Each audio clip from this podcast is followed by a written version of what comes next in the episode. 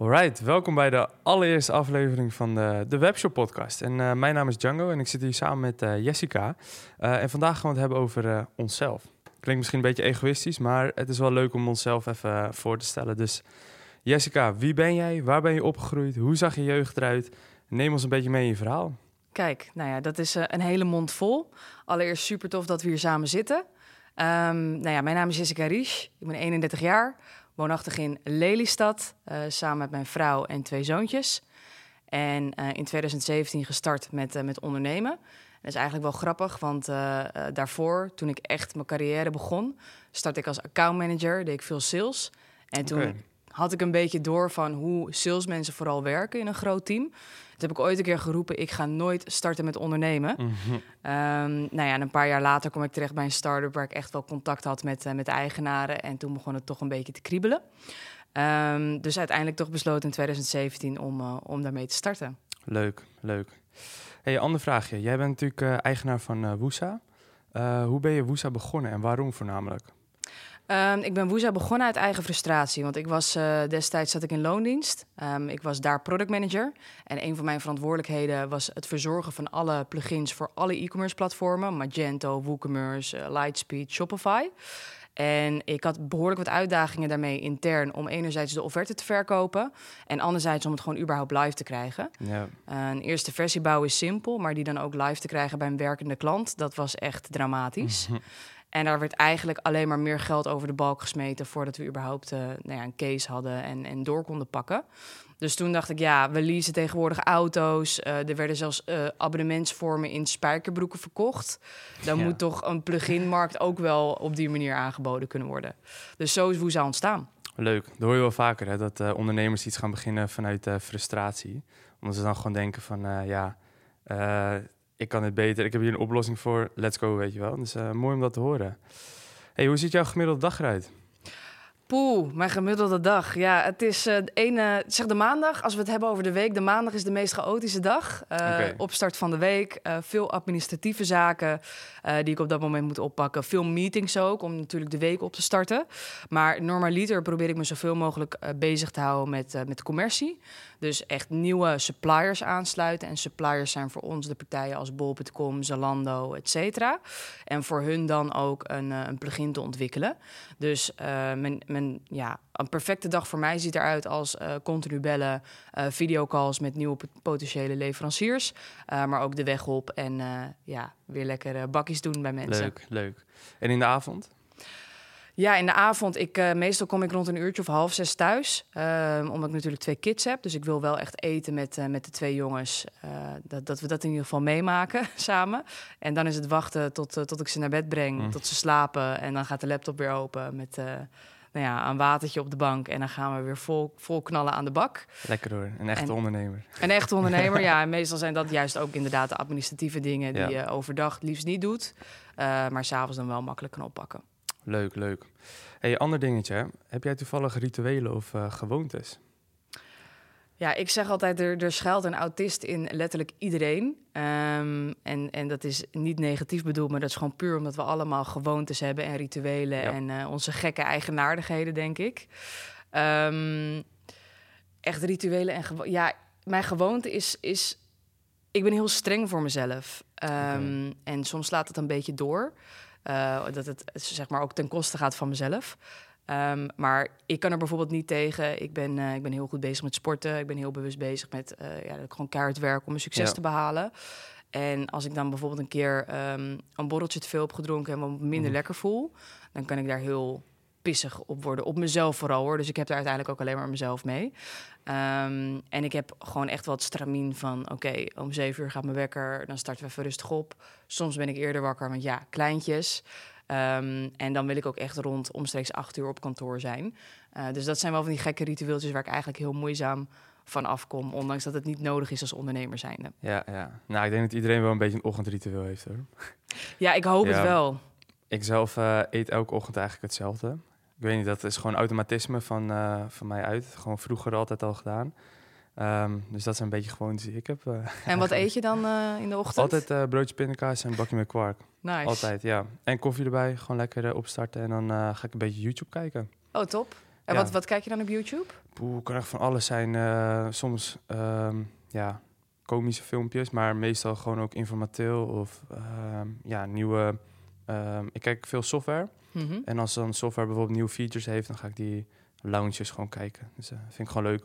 Oh, wat grappig. Ja, Ja, want ik heb er nooit echt bij stilgestaan dat mensen dat leuk zouden vinden als je lounges gaat bekijken van software. Maar dat is dus wel een ding. Ja, ja, kijk zeker. Want ehm, nou, wij gebruiken bijvoorbeeld eh, Asana. Mhm. En Asana heeft dan één keer per maand hebben zij een, eh, ja, een overzicht van nieuwe features die ze gaan toevoegen aan de software. Ja. En ja, wij zitten best wel heel diep in dat, in dat systeem gewoon. En als er daar nieuwe dingen uitkomen waardoor het efficiënter gaat voor ons, ja, dan moet ik dat weten. Snap je? Ja. Dus dan, eh, ja, die video's duren vijf tot tien minuutjes of zo. En dan ik gewoon tijdens het ontbijt ga ik even kijken. ja, Grappig. ja, leuk. Nou ja, wellicht een idee ook voor, eh, voor ons om dat toe te passen. Ja. Nu we het toch over jou hebben, misschien is het goed om meteen nou ja, het balletje over te nemen. Ehm, vertel, wie is Django? Ja, leuk. Ja, mijn naam is Django, ik kom uit Horen. Ik ben eigenlijk dagelijks te... excuus.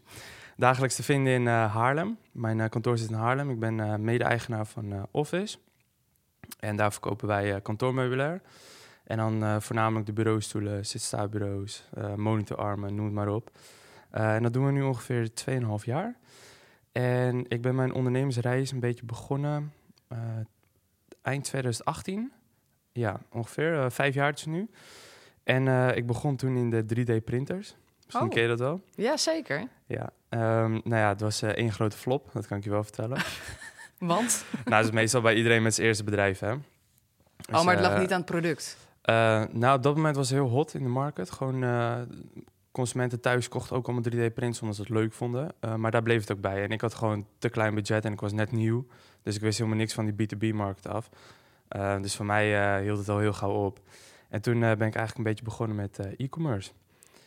Dus toen eh, ging ik producten inkopen uit China. Van, ehm, ja, van prullenbakken tot scheermachines tot eh, IPL lichtontharingapparaten Oh, ik echt van alles ook. van alles verkocht. Op een gegeven moment hadden we meer dan 120 eh, producten op bol staan. En dat ja, is eigenlijk een beetje uitgegroeid tot nu de kantoormeubelen. En waarom dan de kantoormeubelen? Ja, we hadden op een gegeven moment eh, zagen we dat die data gewoon goed was. Dus dat was nog voor de COVID-pandemie. En toen hebben we 60 stoelen uit Polen ingekocht. Eh, die kwamen toen bij mijn ouders thuis. En eh, ja, mijn hele woonkamer helemaal vol, garage helemaal vol, de hal stond helemaal vol met bureaustoelen. Eh, en die waren eigenlijk praktisch binnen 10 dagen weer weg. Wauw. Ja, en dat was echt een eye-opener voor ons van hey, we verkopen gewoon 6 tot 10 stoelen per dag, eh, nog voor de COVID. Ehm, en dat was ja, voor ons was dat de reden om van oké, we gaan nu even allemaal gewoon een klein beetje geld inleggen, we gaan een container inkopen. Eh dus onze eerste 20 voeter container, zo'n kleine containertje uit China gehaald. En dat hebben we eigenlijk eh, ja, elk, elke keer het geld wat we verdienden opnieuw geïnvesteerd grotere containers, meer containers, kantoorpandje erbij. En zo het eigenlijk eh, uitgebreid tot waar we nu zitten. Ja, Je zegt de hele tijd we en je zei net ook, we besloten allemaal om te investeren. Wat, ehm, hoe ziet de structuur van jouw bedrijf eruit? Klopt. Ehm dat is wel eigenlijk een leuk verhaal. We waren natuurlijk allemaal eh, als ZZP'er begonnen eigenlijk. We zijn nu met z'n drieën. En toen die tijd, toen zaten we in een Facebookgroep. En toen zijn we met een aantal van die ja, mensen uit die Facebookgroep... zijn we op vakantie gegaan naar eh, Amerika. En toen hebben we daar een seminar gevolgd van eh, Tony Robbins en Gary Vaynerchuk. En eigenlijk daardoor in die villa heb ik mijn huidige compagnons ontmoet. En met hun ben ik toen nog eh, twee keer op vakantie geweest. Eén keer naar Denemarken en één keer naar Portugal. En toen zaten we daar eigenlijk aan het zwembad. En we zeiden tegen elkaar, jongens, ja, we doen letterlijk allemaal hetzelfde. Waarom leggen we niet gewoon een klein beetje geld in? Gaan we een kantoorpandje huren? Gaan we gewoon echt even knallen, weet je wel? Ja. En toen zijn we ja, gewoon een stout schoen aangedaan en een BV'tje opgericht en gestart eigenlijk. En hoe is dat bevallen tot nu toe? Eh, prima. Ja, Heeft ze ups en downs, maar eh, ja, het gaat goed. ja maar Stabiel. alles heeft zijn up en ups en downs natuurlijk. Hoe, ehm, ehm, hoe, hoe komt het, want jullie zijn best wel hard gegroeid. Je hebt het net over eind 2018 eh, dat jullie gestart zijn. Ehm, het is nu 2022, begin 2022. Hoe, hoe is die groei zo, eh, nou ja, corona natuurlijk, maar hoe is dat verder nog zo geëxplodeerd? Hoe, hoe kan dat? Ja, nou, dat is wel leuk. Eigenlijk in 2018 eh, ben ik begonnen met mijn eenmanszaak. Maar in 2019 nee, 2019 zijn we begonnen met uh, de BV die we nu hebben met Office. Um, en wij, ja, op bureaustoelen zit gewoon wel een goede marge. En zeker door de corona hebben wij gewoon echt heel veel verkocht. En we konden het op een gegeven moment niet meer aanbenen, zeg maar. Dus we hadden logistieke problemen in China. Um, dus dat is wel een groot issue voor ons. Dus toen zijn we op zoek gegaan naar Nederlandse partijen die ons konden helpen met assortiment uitbreiden. Dus ja, we hebben met een aantal partijen om de tafel gezeten. En toen hebben we gezegd, oké, um, we hebben een grote markt, we hebben veel omzet. En we willen graag die omzet kunnen behouden. Kunnen we jullie producten verkopen? Dus toen hebben we met uh, drie partijen uit Nederland zijn we om tafel gegaan. En toen hebben we gezegd, oké, we willen jullie bureaustoelen verkopen. We willen jullie zit-sta-bureaus verkopen. En zo hebben we ons eigen assortiment samengesteld uh, bij ons op de website.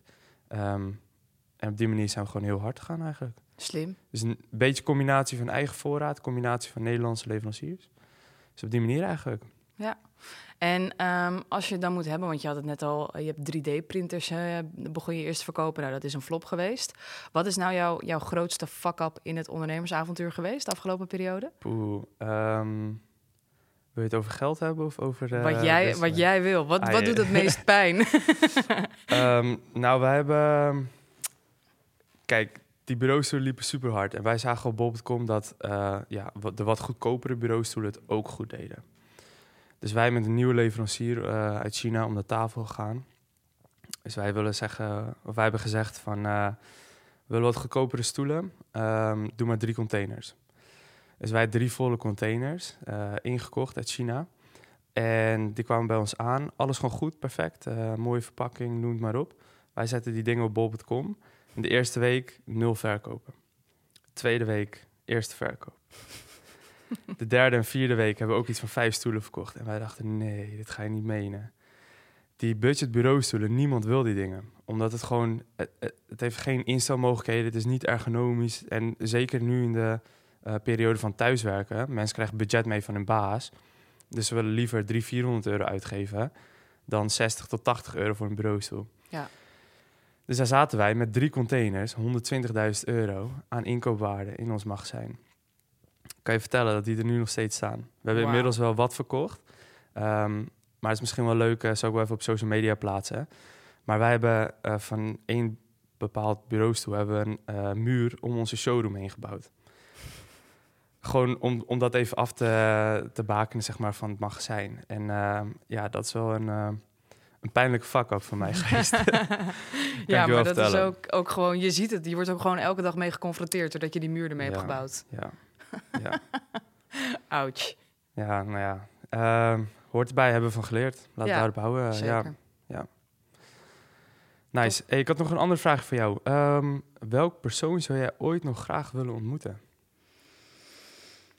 Welk persoon? Ja. Want dat zegt ook wel iets over jouw uh, persoonlijkheid een beetje. Is dat zo? Oh, dus ik moet nu heel goed uitkijken met wat ik ga zeggen. Nou ja, er hangen twee, twee verschillende personen aan, uh, aan de muur uh, met, een, met een quote... waarvan één ik helaas nooit meer persoonlijk zou kunnen ontmoeten. Dat is Steve Jobs. No. Um, ik, ja, nee, ik, ik vind dat heel lastig. Ik denk dat ik toch wel in de Nederlandse, um, Nederlandse landschap van ondernemers blijf...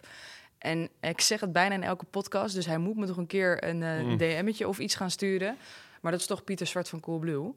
En dat heeft gewoon puur te maken met dat ik een passie heb voor, voor e-commerce. En dat ik gewoon de manier waarop hij uh, Coolblue heeft neergezet, nog steeds dat doet. Um, wat totaal niet gefocust is op, op prijs, maar puur op branding, beleving en service. Ja, dat vind ik gewoon heel sterk.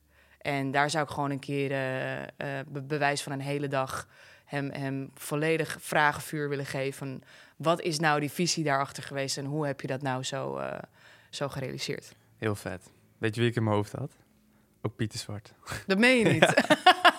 Wat is jouw nee, reden oprecht. Het is gewoon, kijk, je kan een webshop hebben. En dat is heel leuk. Maar hoe Cool Blue het aanpakt, is gewoon ander level. Gewoon de personalisatie, alles voor de klant doen. Gewoon uh, product recommendations. Er zit heel algoritme achter op hun website het is gewoon van een ander level dan wat, je, ja, wat ik doe, zeg maar. Dus ehm, als wij ons bedrijf ook naar het volgende niveau zouden willen tillen, dan moet ik ook met zulke mensen omgaan die gewoon ehm, ja, dat level behaald hebben.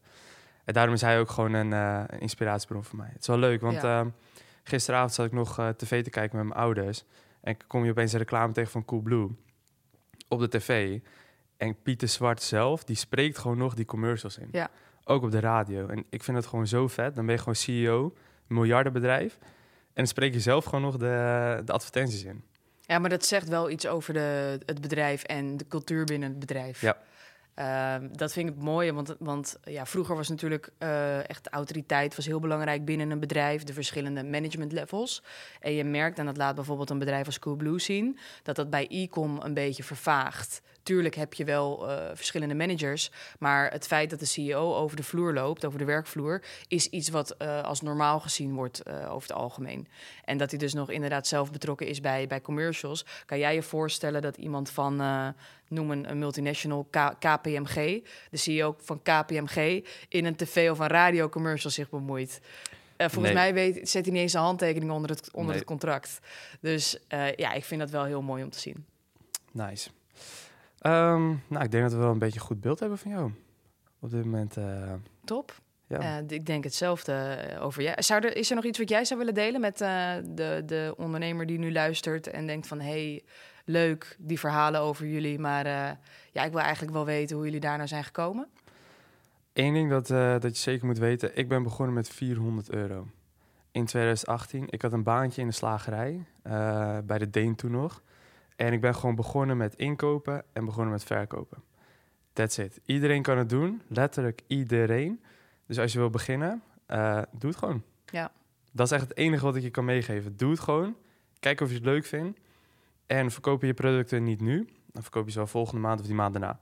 Dus als jij een investering van 400 euro doet, die 400 euro ga je sowieso terugverdienen. Ja. Is het niet via je webshop, is het niet via bol.com, is het niet via Marktplaats, dat gaat je sowieso lukken. Goeie tip. En ik denk ook wel een motiverende tip. Ik, uh, ik sluit me daarbij aan.